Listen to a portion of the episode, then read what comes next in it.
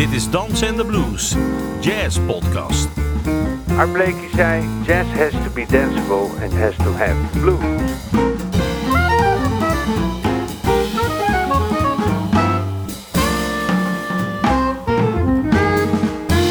Je luistert naar een aflevering van Dansen en de Blues.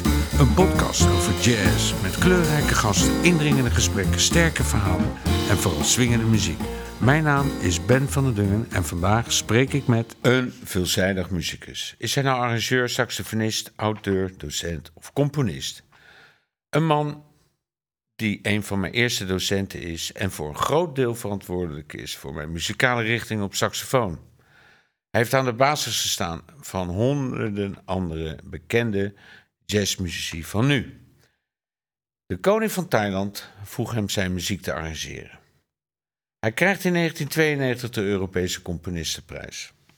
Ik heb het over niemand anders dan Ab Schaap. Welkom Ab. Dank je, Ben. Ja, wie is Ab Schaap nu? je hebt eigenlijk veel pet op Ja, dat klopt. in de muziek. Ja, ja. Voel je je meer saxofonist? Voel je je meer componist? Voel je je meer arrangeur? Voel je je meer docent? Wie is nou, Ab? Ik zou durven zeggen dat ik me eigenlijk meer docent gevoeld heb. Dat heb ik ook 42 jaar gedaan. En eh, ja, omdat ik geïnteresseerd was in allerlei dingen, componeren, arrangeren, eh, saxofoon spelen, wat dan ook weer waar weer fluit bij hoort en alles, had ik eigenlijk te veel hooi op mijn vork, eerlijk gezegd. Maar ik vond alles zo leuk. En eh, door allerlei omstandigheden, ja, heb ik allerlei kansen gekregen. Je, mensen moeten jou kansen eh, gunnen, hè? Ja, is het ook niet zo omdat je gewoon, zeg maar, precies in de goede tijd, eh, zeg maar, acte de présence hebt gegeven? Ja, als je, als je het zo bekijkt, heb ik ongelooflijk geluk gehad. Ik kom net op tijd in Zwolle aan. Nou, daar vind je dus Henk Meut, Geert Ruud van Dijk... eh, jongens die later in Metropolis gingen spelen. Ja, misschien moet je dat even uitleggen. Want Zwolle, hè, Ja. we hebben het natuurlijk over Rotterdam, dat dat de eerste is geweest voor de zesafdeling. Maar dat is dus helemaal niet zo. Nee, het begin was in 71, moet je nagaan, in Zwolle. Daar kwam eh, Ruud van Dijk en Henk Meutgeer, die zijn naar de directeur gestapt. Kunnen we niet iets doen aan jazzmuziek? Want zij studeerde al bij klassiek, hè? Ruud, Ja, ja, ja, klassiek klarinet. En die, eh, die directeur vond het een goed idee. En toen is, ehm, hoe heet die, de dirigent van Metropoolorkest is benaderd. Ja? Eh, Rogier van Otterlo. Ja. Maar die was veel te druk. Die schreef die filmmuziek, hè, weet je wel, Turks fruit en zo. En die kwam met de naam Frans Elsen. De enige die die naam kende was Henk Meutgit. En die zei, nou, waarschijnlijk is die nog beter ook. dus, en toen kregen we naast onze klassieke opleiding twee uur big band op maandagmorgen. En smiddags twee uur arrangeren. Nou, Van Frans. van Frans. Nou, En eh, die, eh, die liet ons allemaal muziek schrijven. We schreven allemaal mm, stukken. Dus en het eh, werd ook gelijk gespeeld. die werden dan gespeeld. En Frans die, die zei er niet zoveel van. Je, je kent hem van Ja, vroeger. Zeker. Maar het grootste compliment was na mijn eerste stuk dat Frans zei... Oké, heb je nog iets? Dat was een compliment. Dat heb ik toen geleerd. Ja, ja. Nee, maar ehm, dat heeft een paar jaar geduurd. En toen ben ik weggegaan daar. Want ik kon niet overweg met die eh, leraar.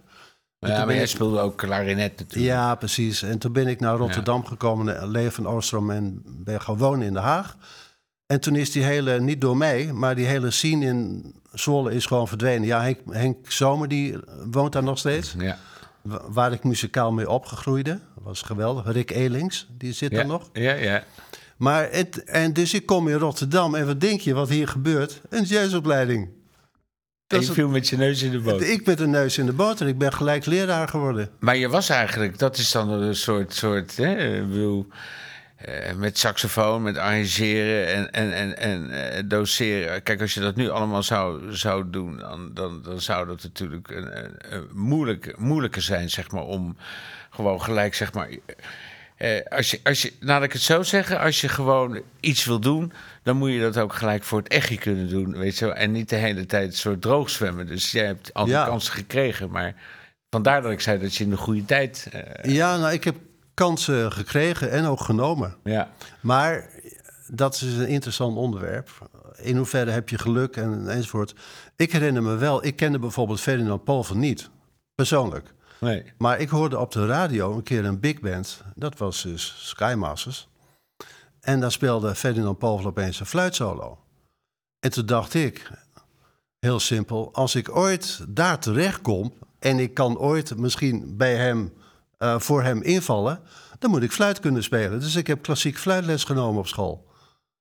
En later zeiden de jongens tegen mij... ja, jij hebt geluk, jij speelt tenminste fluit. Ja, ik bedoel, Ja, als ik het niet was gaan doen en Ferdinand die had gezegd: Kun je voor mij invallen? Oh, trouwens, speel je fluit? En ik had gezegd nee, dan was het afgelopen. Ik wilde niet zeggen natuurlijk dat, dat, het, je- dat het je allemaal maar gratis voor niks in je schoot geworden. Nee, nee, het is, eh, wisselwerking. Maar je, je, je bent wel in een mooie tijd. ja, zeker. Ja, ja, ja, Hè, absoluut. dat je gewoon kan arrangeren. En, dat, eh, en, Ja. eh, de Skymasters was natuurlijk de toptijd van ja, de. Skymasters. Ja, Nick Vollebrecht. Maar daar heb je ook in gespeeld. Ja, en ik zat veel in het, met, in het Metropoolorkest. En in 85 ben ik daar vast gevraagd door Rogier. En tot zijn grootste verbazing zei ik: Nee, ik doe het niet. Nee. Ja, dat is ook niks voor jou. Nee, dat was niks van mij geweest. Maar, Maar, eh, hey, maar dus dus dat- even, even terugkomen op, op, die, eh, op zeg maar die beginperiode. Je hebt veel pet op. Ik, bedoel, ik ken je natuurlijk als, als saxofonist. Ik heb eh, les van je gehad. En jij woonde op het Koningsplein en Fernand Poven woonde erboven. En eh, je had er eigenlijk helemaal niet zin in. Je denkt van, ja, Jezus, moet dat dan, weet je wel. En, eh, Ik heb jou geprobeerd eh, ja, te, te dissen, zeg maar. maar ik, ik was niet weg te slaan. Nee, dat klopt. Maar ja, als ik dan naar je luisterde en zo, vond ik het eigenlijk een soort combinatie tussen, tussen eh, weet je wel, eh, vroeger Bob Burke, eh, Ferdinand. En eh, de, de- qua stilistische zin zat het toch Ja, wel een beetje in, in die richting. Ja, ja, want dat, dat, ja, daar was ik ook een fan van. Ik heb veel geleerd van een solo van Ferdinand, een blues in F. Die heb ik ooit eens een keer opgeschreven. En daar heb ik heel veel geleerd over harmonieën. Hoe hij dus door akkoorden heen speelde. Want ik heb er nooit les in gehad. Want ik zei een keer tegen Ferdinand, ik, ik wil wel les van je nemen. Hij zei, ja, hou op joh, laten we een biertje gaan drinken. je, je Ja, weet veel het, beter eigenlijk. ja, je weet het toch al, zei hij. Maar, dus ik heb wel een aantal dingen gecheckt. Zoals die solo van Ferdinand. Ja. Want ja, dat is een meester in harmonieën spelen. Hè? Ja. Dus daar heb ik veel van geleerd. En, en George Coleman, Autumn Leaves, van die plaat Live in Europe. Maar je kiest dus eigenlijk, is het, eh, is dat intuïtief of niet, voor saxofonisten die. Eh, hè, als je Bob Burke, de, de jongere Bob Burke, om het zo maar te zeggen, of, of George Coleman, maar Ferdinand natuurlijk, die hebben toch een, eh, een, een, een enorme heldere eh, constructie van, Ja. van hoe ze zo'n harmonisch zo'n zo'n zo'n solo vormgeven. Ja, nee, dat sprak mij dus altijd aan. Je hebt nooit iets gehad met Ben Webster of... Jawel, of, een van mijn eerste platen was Ben Webster en Don Byers. Maar niet om zelf te spelen. Maar Nee, nee, nee. ja, ik vond het wel iets hebben. Ben Webster. Maar zou het ook een soundkwestie zijn? Want Ja. jij speelde natuurlijk ook gewoon op, de, op die s- setup. Ja. Hè, met die eh, Otto Link, zes ster. Klopt. Even, Nou ja, niet, die- even niet? Of, eh, met- Nou ja, dat was, dat was jaren later. Toen ontmoette ik Bob Burke. Die speelde hier in B14 in Rotterdam. En toen hoorde ik hem voor het eerst live met Cedar Walton. En hij had zo'n eboniete...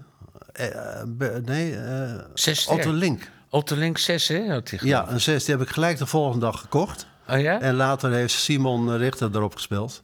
Maar ook met zijn lichtriet?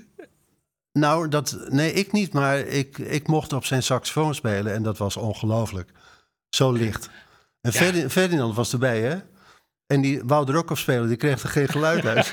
Want die blies in die tijd eh Otto Link 9 met Rietje 5. Ja, het is toch ongelooflijk dat je zo'n krachtige sound hebt met, met zo'n eh, Ja. kleine setup eigenlijk. Ongelooflijk, wat een projectie. Wauw. Ja, bizar. Dat, eh, nou ja, dat was eigenlijk iemand die mij enorm aansprak en daar heb ik jou ook mee lastiggevallen. Weet je. Ja, ja, ik ben er heel blij mee. Ik ben, voor mij is het nog steeds een hele grote inspiratiebron. Ja. Maar ik ben benieuwd waarom jij dat, waarom je nou dat hem ook zo eh, aanstekelijk vindt voor jezelf. Ja, het klonk zo alsof hij het ter plekke uitvond, jazzmuziek. Dan moet je eens luisteren. Dit is jazzmuziek, weet je wel. En dan die ons ongelooflijke duidelijkheid. Want later, als je dan dus wel een solootje bekeek, dacht hij zit bijna tonaal te spelen, joh. Ja, het is zo diatonisch. Helemaal geen Mark Brekker uh, chromatiek had Nee. hij toen niet. Right on the nose, net als Coltrane trouwens. Ja. Weet je wel? En dat- dat vind- dat vind je mooi eigenlijk. Ja, dat vond ik mooi, duidelijk. ja, het heeft ook heel veel kracht, hè? En dan die sound natuurlijk, die ongelooflijke energie. Die, die uit... Zullen we, zullen we een stukje naar hem gaan luisteren, naar eh, eh, Bob Burke? Ja, nou, er is veel om naar te luisteren. Wat zou, jij, wat zou je willen laten horen? Nou ja, ik heb hier een opname uit 77 van de radio. Dat is Ochos de Rogos, heet die geloof ik. Die Ja, ja, ja. ja. En een stuk van Walton. Ja, en eh, toen ik dat op de radio hoorde, dacht wat is dit in godsnaam? Echt eh, iets heel anders dan je eigenlijk kende. Maar er is heel veel op internet. Maar je kunt ook die stablemates, eh, die solo heb ik ooit uitgeschreven. Eh, heb jij op internet ontdekt, hè? Dat eh, met. Ja. Jones. Oké, laten we even naar Stablemates gaan luisteren.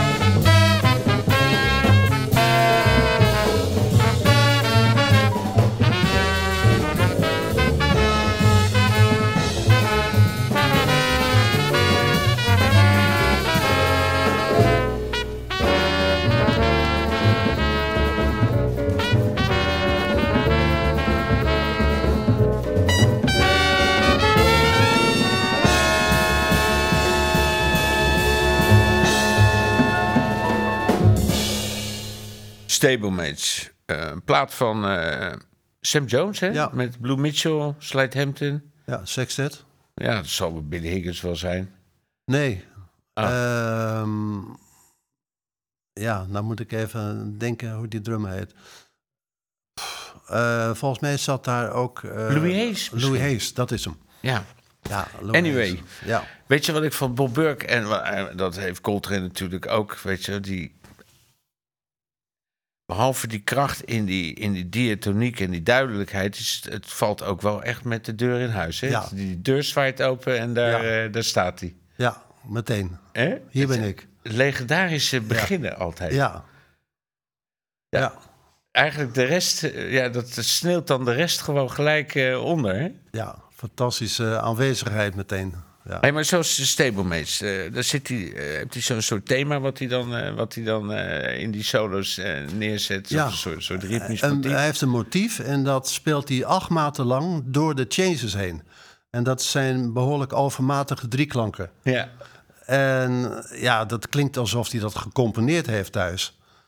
En dat heb ik hem dus ook een keer gevraagd. Van joh, het lijkt wel alsof je je solo's thuis hebt opgeschreven. En toen zei hij heel bescheiden, ja, maar dat heb ik altijd al gekund. Ik kan spelen wat ik hoor. Meteen. ja, en daar heb ik dan toch wel enigszins mijn twijfels Ja. bij. Omdat ik dan iemand die zo goed speelt, die is dan vergeten dat hij natuurlijk gewoon ook ongelooflijk hard gestudeerd heeft. Jawel, maar dat, dat, dat sluit niet uit dat hij hard gestudeerd heeft. Nee. Maar het vermogen om dat te kunnen, Ja. dat had hij blijkbaar al. Snap je? In essentie. ja, ik snap het, ik snap het. Maar Dus- je moet het er natuurlijk wel in hijsen. Jawel, natuurlijk. En hij was een goede pianist. Dus hij heeft natuurlijk ook thuis wel eens die changes zitten spelen. En dat hij dacht, oh, ik kan dit spelen, ik kan dat. Eh, Weet je wel, zo gaat het toch? Ja, ik weet bijvoorbeeld van Jelle Ortman Geerlings. Ik weet niet of je die nog kent, saxofonist. Wie? En Jelle Ortman Geerlings. Oh ja, daar, studeerde ja. ik mee. En die is Ja. later bij hem op bezoek geweest. En eh, daar hoor ik dan van dat hij echt in de kelder gewoon een hele, hele oefenruimte had. Maar ook dat hij oefende in een microfoon. hè? Ja, vol, vol volume, hè? Ja, vol hem. ja, eerder, hè? Maar goed, hè, dat spelen... eh, wat betekent dat voor jou? Nou, eh, ontboezeming even nu. Ja? Ik heb nooit dat heilige vuur gehad eh, om saxofonist te worden, zoals ik dat wel bij jou heb gezien, maar ook bij Toon Roos en zo. Weet je, ik had nooit het idee dat ik alleen maar dat zou moeten doen. Daar vond ik mezelf eigenlijk ook niet goed genoeg voor. Ik, had, eh, ik was altijd veel te druk met analyseren dat het weer niet goed was. En ja, het een beetje moeizaam eh, qua karakter op dat gebied. Ja, ja. Dus, ehm, maar goed, ik hoefde me daar geen zorgen om te maken, omdat ik natuurlijk al die andere dingen toch ook al deed. Maar ik heb nooit een, ehm, een behoefte gehad om echt mij te profileren als jazz-saxofonist. Snap je? Terwijl, ik je wel heel erg jazz vind. Want ik ben natuurlijk naar je gaan luisteren zo in Beamhuis aan Rattenplan en zo. En, eh, en natuurlijk op de, op de radio. eh, Dat je... Ja, ik vraag me dan toch af dat je... Hoe je dan, eh, zeg maar, die, je spel construeert. Hè? Ik bedoel, eh, als je heel erg van, van Coltrane houdt of eh, van Ferdinand... Of, hè, dan zoek je dingen uit en dan heb je een lik en dan ga je dan mee aan de slag. En dan Mm. doe je dan in verschillende toonsoorten. En dan, ja, op een gegeven moment ontstaat er dan een vocabulaire en dat vergeet je dan weer. En dan ga je weer Ja. verder. En, maar bij, bij jou lijkt het, heb ik je eigenlijk toch weinig kunnen, kunnen zeg maar, Betrappen. betrappen op, eh, op het spelen van hetzelfde eigenlijk. Nee, dat klopt. Ja, en dat komt eigenlijk omdat ik op het moment dat ik improviseer, vergeet ik alles. Denk, denk ik ook nooit aan theorie. En dan laat ik het maar gebeuren. Dat is het eigenlijk. En ik, ik kan van mezelf, eh, ja, ik kan analyseren als ik terugluister naar bepaalde solo's, dat er een bepaalde emotie in zit die ik als persoon nooit laat zien. Er zitten ook een paar solos waar ik bijna een scheurgeluid heb in de hoogte. Dan denk ik, hè, ben ik dat? Oh ja, Dus voor mij was spelen wel eh, iets met emotie. Toch? wel- Dus je bent eigenlijk niet zo van de, van eh, de, de licks en de Nee, helemaal niet. Nee. Ik heb wel eens gedacht dat ik had ik thuis een lik verzonnen en dat, dat ik dacht die moet ik vanavond spelen, maar ja, helemaal vergeten. Weet je wel, dus nee, het, ik liet het meer dan het moment over, waardoor ik soms ook misschien niet altijd eh, heel erg. eh, nou ja, kijk, Toon Roos doet het ook, maar op een heel andere manier. Ja. En Ak, die zei ook altijd eh, empty-minded spelen. Dus vergeten wat je weet ja. en dan gaan spelen. Is spelen voor jou Hm. een mindere uitdaging dan arrangeren? Nee, andersom. Het is een grotere uitdaging. In Ehm, de zin van wat? De, Nou, omdat ik het eigenlijk nooit goed genoeg vond. En eh, laat ik het zo formuleren: dat hoe vaak ik niet s'avonds laat dacht, ik stop met spelen. Dit wordt hem niet meer. En met arrangeren heb ik dat nooit gehad. Als ik nu nog mijn arrangement hoor, dan denk ik, nou, leuk gedaan. Ik, snap je, daar had ik eigenlijk nooit twijfel. En bij spelen wel. Zit daar ook het, het fysieke eh, component in? Jawel. Dat je gewoon de hele Dat- dag maar aan het instrument... Ah, dat en de gezeik met die en rietjes, gezeik. eh, bah, ja, ah, vond ik niks.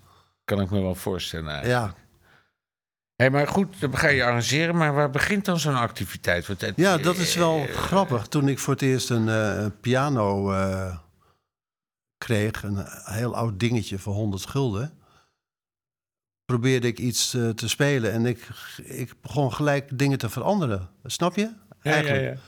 Dat- dat- Van meet af aan deed ik dat en schreef ik kleine stukjes.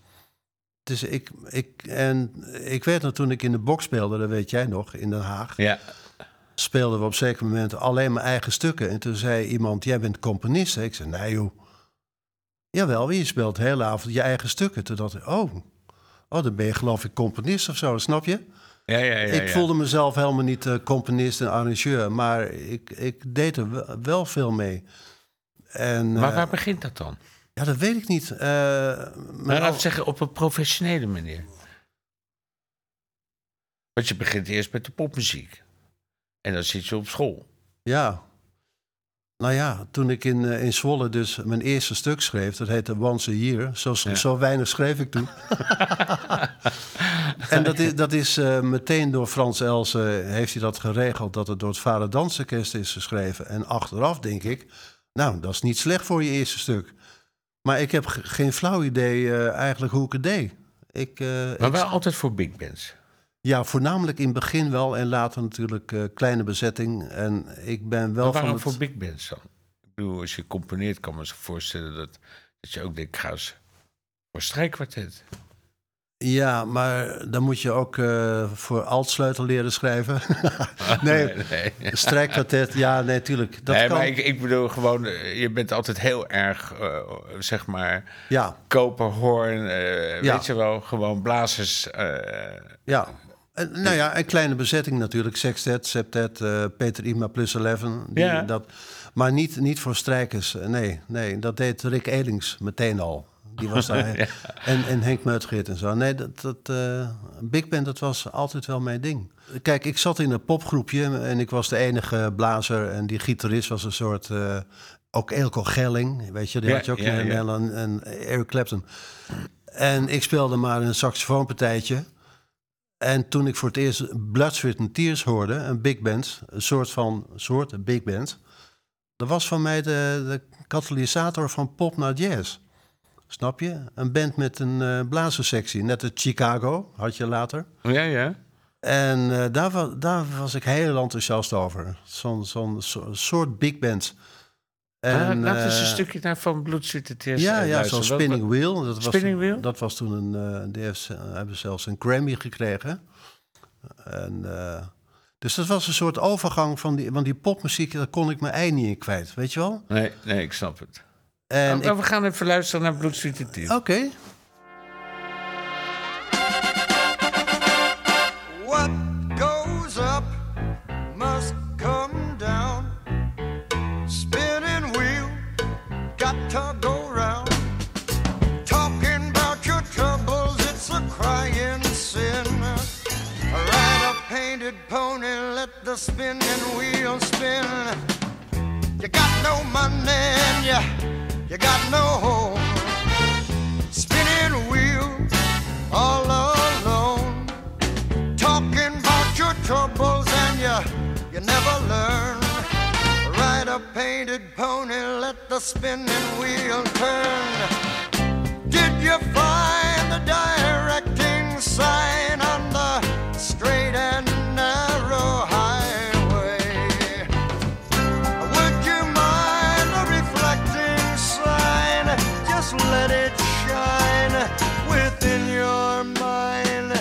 show you the colors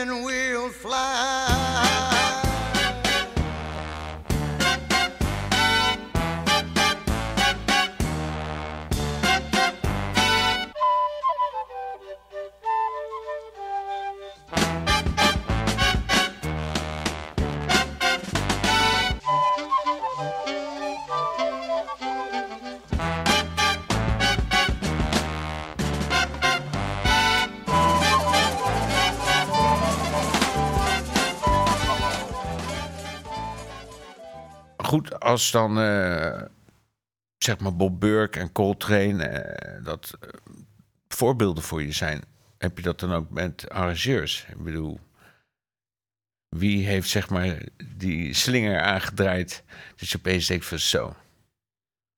Dat Nou. Natuurlijk kwam de eerste inspiratie wel van Frans Elsen. Dat is wel zo. Hij, Ja. hij gaf natuurlijk een paar uurtjes arrangeerles. Daar heb ik veel van opgestoken. En waar ik het meeste van geleerd heb, is eigenlijk gewoon arrangementen van de plaat schrijven. En ik noem eventjes die plaats van Dexter Gordon. D in Ja. Vienna of D in Kopenhagen. Oh, ja, Al die nummers heb ik van de plaat geschreven. Daar leer je veel van. Dan weet je de register, de Ja. omvang van de instrumenten, het samenklinken. Sluit Hampton, fantastische arrangeur. Ja. Is, zijn, vind je die arrangementen, die zijn een beetje Oliver Nelson-achtig Ja, qua, ook. Ja. qua, weet je wel, die met die secundes se- erin. secundeliggingen zo Ja, van die... ja. En toen kreeg je natuurlijk eh, die plaat Blues en die Abstract Truth van Oliver Nelson. Met ook die kleine secundes en die parallelharmonie. Dat sprak me heel erg aan. Dus eh, die plaat heb ik ook inderdaad afgeschreven. Hey, maar jij hebt altijd wat gehad met Oliver Nelson. Ja. Ja, er zit een, eh, ja, een soort musicaliteit in die stukken. Dat sprak me meteen aan. Ik heb vrij veel platen van hem. Ook hele onbekende. Ja, en waarom? Ja, met, ja, dat kun je toch eigenlijk niet helemaal uitleggen dan, toch? Nee, is het, is het, is het, is het de klank of is het de, de swoon of is het Ja, eh, de, alles bij elkaar. karakter? Alles bij elkaar. En dat is... eh, hij had natuurlijk fantastische muzikanten ook, hè? Ja. In, in zijn orkest. En ik heb me wel eens afgevraagd... komt het nou door hem dat ze allemaal zo laid back spelen? Dat was soms op het randje. Hè, met die blues en die abstract truth ook. Dan denk ik, jezus man. Dat gaat wel heel erg achter de beat aan. Maar eh, ja... Maar eh, wat later, trouwens, in Zwolle speelden we ook al wel stukken van Ted Jones. Ja, Ted Jones is natuurlijk Ja. een soort... Ja, die, daar kan je niet omheen als je van Nee. Big Band houdt. Nee, absoluut niet. Eh, als jij als, als arrangeur, wat, als je iets zou moeten zeggen over Ted Jones... Nou, wat mij opvalt aan hem, dat hij ontzettend veel noten nodig heeft. Heel veel. En het is allemaal, hij heeft het allemaal nodig. Niet, Ah. niet nodeloos, weet je wel? Ja, ja, Je kunt ook gewoon eh, een hoop noten gebruiken en dan zegt het allemaal geen bal. Maar hij had allemaal... En natuurlijk enorm die eh, uit de Sanctified Church, die, die jazz feel. Eh, Bob Mins... Nee, Bob... eh trombone. Broekmeyer. Broekmeyer. Die zei, the music jumps right off the paper. Snap je? Het Ja. springt er gewoon af, die energie. En eh, dat hoorde ik in zijn, in zijn muziek, maar het heeft mij verder niet beïnvloed of zo. Ik ben erachter gekomen, ik hou van helderheid. Snap je? Duidelijk. Niet, niet eh, te veel noten tegelijkertijd. Dus het is eigenlijk heel gek dat ik Ted Jones dan eh, geweldig vind. Maar voor mezelf vind ik hem meer, het moet duidelijk zijn, helder. En eh, veel contrapunt, vind ik leuk. Lijnen. Ja, ja, ja, ja, ja, ja. ja. Dat, eh, dat vind ik toch mooi. Maar in, in, ik heb geen... Oh ja, en later natuurlijk Jerry van Rooyen. Daar ben ik altijd erg fan van geweest, van zijn stukken.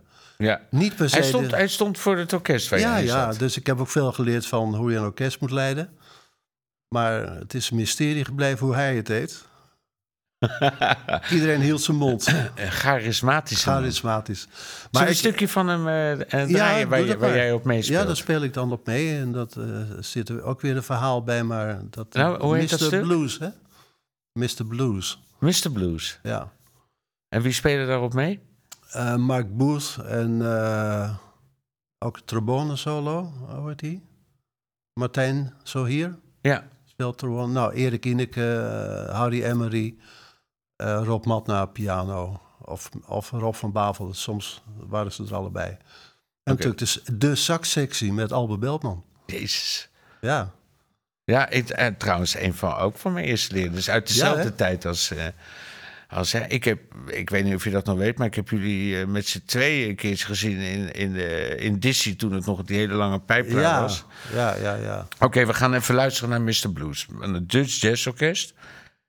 En eh, Jerry Verrooy staat ervoor. Van wie is Mr. Blues? Van Jerry. Ah, van Jerry. En Jerry had de interessante eigenschap ehm, om, ieder, om iemand een solo te geven. Dus je wist het nooit. En ik herinner me nog dat wij in Bimhuis speelden en we speelden All of Me van Ted Jones.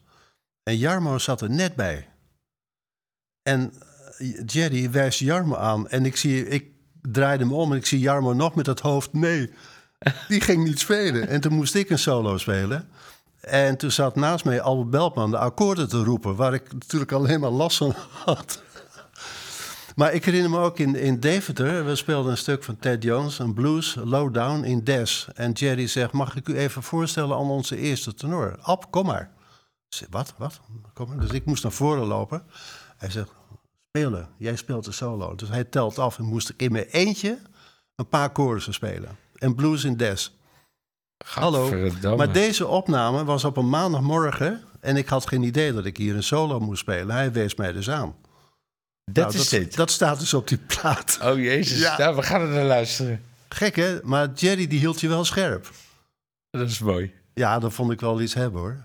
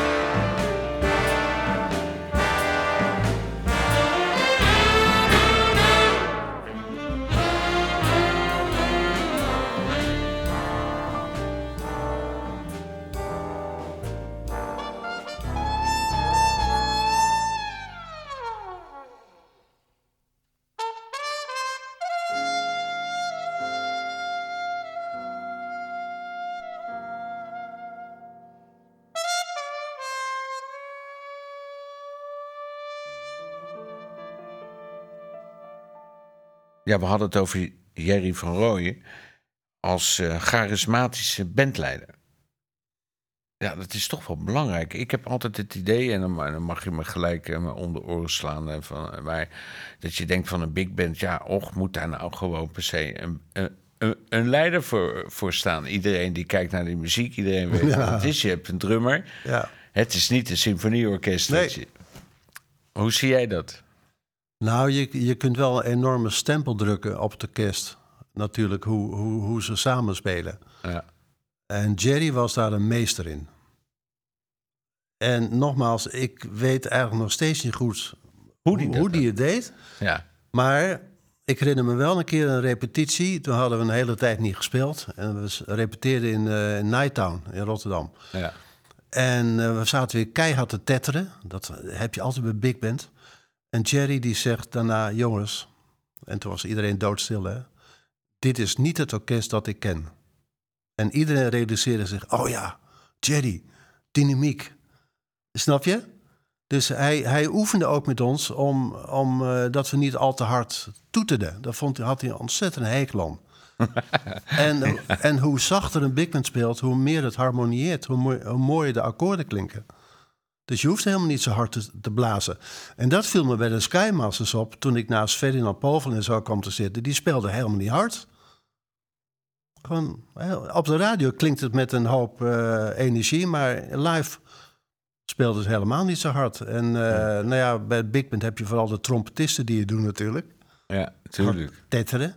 Maar dus Jerry, die, die, eh, en hij, hij kreeg het ook voor elkaar dat we niet te gehaast speelden. Dus laid back is een gevaarlijk woord, dat gebruikte hij nooit. Maar die timing, ja, ik weet niet. Nogmaals, hoe hij dat nou deed, weet ik niet. Maar iedereen was opeens op het puntje van zijn stoel. Door Jerry. Onooglijk mannetje, leek eruit, zag eruit als een oud vrouwtje met een gekleurde zonnebril. en iedereen had enorme respect voor hem. Ja, dat is ch- charisma. Ja, dat is mooi eigenlijk. Hè? Ja, en dat aftellen was natuurlijk op zich helemaal een bizar iets. Dat was dat tjik, tjik, tjik, tjik, tjik. Ja, Dat was bijna niet te volgen. Speelden we soms het een heel verkeerd tempo. Maar, eh, en hij was ook heel goed naar het publiek toe. Hij had twee gezichten. Dus naar het publiek toe. En als hij zich omdraaide, dan moest je dus on the ball zijn. Dan was hij eh, Hoe, lang, hoe lang heb je in het orkest eigenlijk gezeten? 25 jaar. 25 jaar. Ja, en ik heb het ook een tijdje geleid, want Jerry die, eh, die kon het niet meer aan op het eind. En vooral niet allerlei stukken met maatwisselingen en zo had hij geen zin in. Dus ik heb ook de helft van het programma op C vaak geleid. Ja. Ja, dus, ja, ik ken, eh, je, ik ken je natuurlijk eh, heel, heel goed als, als, als bandleider. Maar even terugkomen op, op, eh, op, op, op, het, op het arrangeren. Als je, als je nou kijkt naar, naar... eh, Ja, Nederland heeft toch wel echt veel bekende arrangeurs gehad, toch? Die in, in Europa wel een naam hebben gemaakt. Hè? Rob Pronk, Jerry van Ja. Peter Herbolzheimer Ja, had je nog. ja, maar dat is natuurlijk een Duitse, Ja. Duitse man. Maar hè, als je Rob Matten van Zelsen, jij... eh, je zou bijna, bijna spreken van een soort Nederlandse school eigenlijk. Nee, dat kun je alleen stellen omdat het Nederlanders zijn, maar niet. eh, Nee. Het is allemaal Amerikaans. Am- op Amerikaanse Ja, traditie absoluut. gestoeld. Ja, allemaal. Ja. maar daarnet eh, zei je zoiets van... Ja, Jerry had toch meer een open, open manier van... eh, en, Ja, en, die- dat, en dat heb je zelf ook. Ja, dat, dat he- heeft mij altijd aangesproken. Kijk, iemand als Rob Pronk was een virtuoze schrijver. Stel je voor, je hebt een break. Dan zou Rob Pronk een kwartenlik schrijven voor de, alle saxofonisten... waardoor iedereen overstuur is en het stuk moet, gaat weer verder. En Jerry deed dan een drumbreak. Veel simpeler. En Jerry maakte enorm gebruik van, eh, van eh, ruimte. Een beetje muilsachtig. Hij maakte eigenlijk gebruik van de kwaliteit van de, van, van, eh, van de mensen van ja, dat ook. Eh, Ro- Rob Pronk natuurlijk hartstikke goed hoor. Heel virtuoos, maar eh, ja, een he- heel andere manier van. En eh, wat dat betreft heb ik een grappige anekdote. Want Rob Pronk die heeft een paar keer ons orkest geleid in het Bimhuis. Ja. Met zijn muziek. En dat werkte niet. Dat was gewoon heel anders dan de muziek van Jerry. En met name Erik Inneke kon daar helemaal niet meer over weg. Want die heeft ruimte nodig. Erik die speelt ook laid back bij zichzelf, hè? Ja. Beetje Elvin Jones Ja. dingen. En op een zeker moment ging eh, Pronk die ging ook voor hem staan, dirigeren. Nou, dat ging helemaal fout. Binnen een paar keer was het afgelopen. Dat ging helemaal niet met ons orkest. Zijn muziek en ons orkest. En Jerry, dat was veel opener, losser. Meer ruimte. Ah, mooi, mooi, mooi. Ik denk dat het ook door Miles kwam, hè? Met, met stiltes laten vallen en zo. Ja, en dan in Ja. dat, eh, dat, or- dat orkest zat er ook nog een, een, een hè, waar- wat Ja. eigenlijk aan de weg timmerde. Nou en of. Ja, Waar jij veel voor schreef, ja, ja, een arrangement. ja. Zou je een stukje daarvan eh, willen laten horen? Ja, nou, er is nu een nieuwe big band weer in Rotterdam. Hè. Ja. Vorig jaar zijn er vier stukken van mij opgenomen. En eh, misschien kun je daar iets van laten horen. Apps Original Blues. Hey, en en wat, eh, vertel eens wat over die big band. Ja, dat, eh, die, die band bestaat uit nogal wat studenten die ik dus in de klas ook weer heb gehad. Ja. Echt een Rotterdamse big band. Ja hoor, absoluut. Hoe heet Ja. dit? Eh, Dutch Jazz Collective. Ah. En dat, dat was een beetje de laatste generatie die bij mij in de klas zat. Daar hoorde jij ook bij, Thijs, geloof ik. En we gingen wel eens naar de kroeg. En naar Mombasa. En eh, ze waren gek van Big Band. En ik, ik gaf dus ook LP's aan hun. En ze kochten platenspelers. En eh, dus eh, heel enthousiast. En op zeker moment, meer dan een jaar geleden, vroegen ze mij of ze mij muziek mochten spelen. Nou, dat was een enorme verrassing, want ik had al lang gedacht, dat is voorbij. Je had ze toch wel liggen of had je Dus- Ja, ze al bijna ik- in de prullenbak er is een filmpje gemaakt waarin ik zeg, ik had het bijna weggegooid. Ja, dat is een beetje onzin. Daarom zeg Maar ik er, zijn hele, hele goede muzikanten. Ook Jesse Schildering zit erin. En, en Donald Simoen. En eh, ja, het is hartstikke goed orkest. En eh, die plaatopname is met Cas Jiskoot op bas. Ja. En eh, op piano, eh, hoe heet hij? Timothy Benchett Ja. zit erbij. Maar ze hebben het later ook op Noordzee ge- gespeeld en in eh uh, Lantaans Venster. Maar dat ze spelen met wisselende mensen hoor. Ja, ze hebben een soort pool. Dat is wel slim. Ah, wel Eh, leuk dat het allemaal je oude studenten zijn. Ja, Sebastian van Bavel die doet dan soms mee. En Robert Koemans en eh, weet je wel. Dus, Oké. dus dat is eh, ja, heel succesvol, moet ik zeggen. Aboriginal Blues, hè? Ja, eigenlijk is het app, comma S, apps, original blues, maar het werd aboriginal natuurlijk, hè? Door de aboriginals. Oké. Ja. Ja. ik snap hem. Ja, heb je hem door? Ik heb hem door, eh, Ab. We gaan er naar luisteren. Wie spelen de solo's? Ja, dat zijn eh Benjamin Herman en eh, eh, Jan van Duikeren. Oké. En Jan is ook een oud student. Ja. En Benjamin eigenlijk. Benjamin dus ook, ja. Uit eh, Hilversum. Top op. We gaan naar luisteren. Aboriginal Blues. Dit was het eh, eerste deel van eh, de podcast met Ab Schaap. Eh, we zien u terug bij de de- deel 2.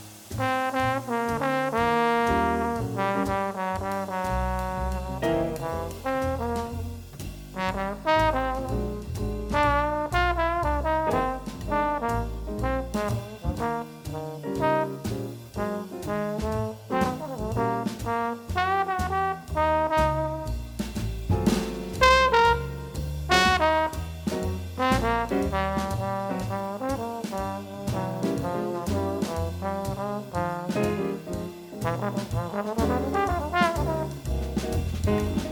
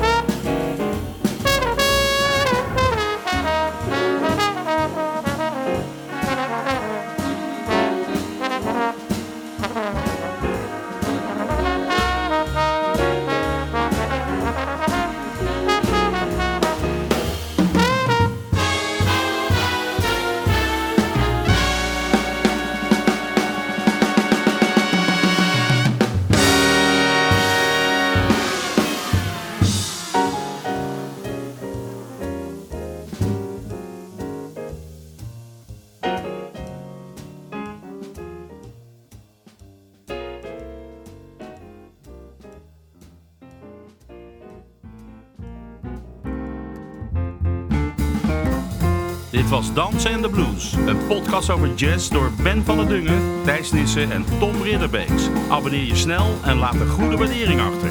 Wil je meer weten? Kijk dan op dansenendeblues.nl en volg ons op Instagram en Facebook. Dankjewel voor het luisteren en tot de volgende keer.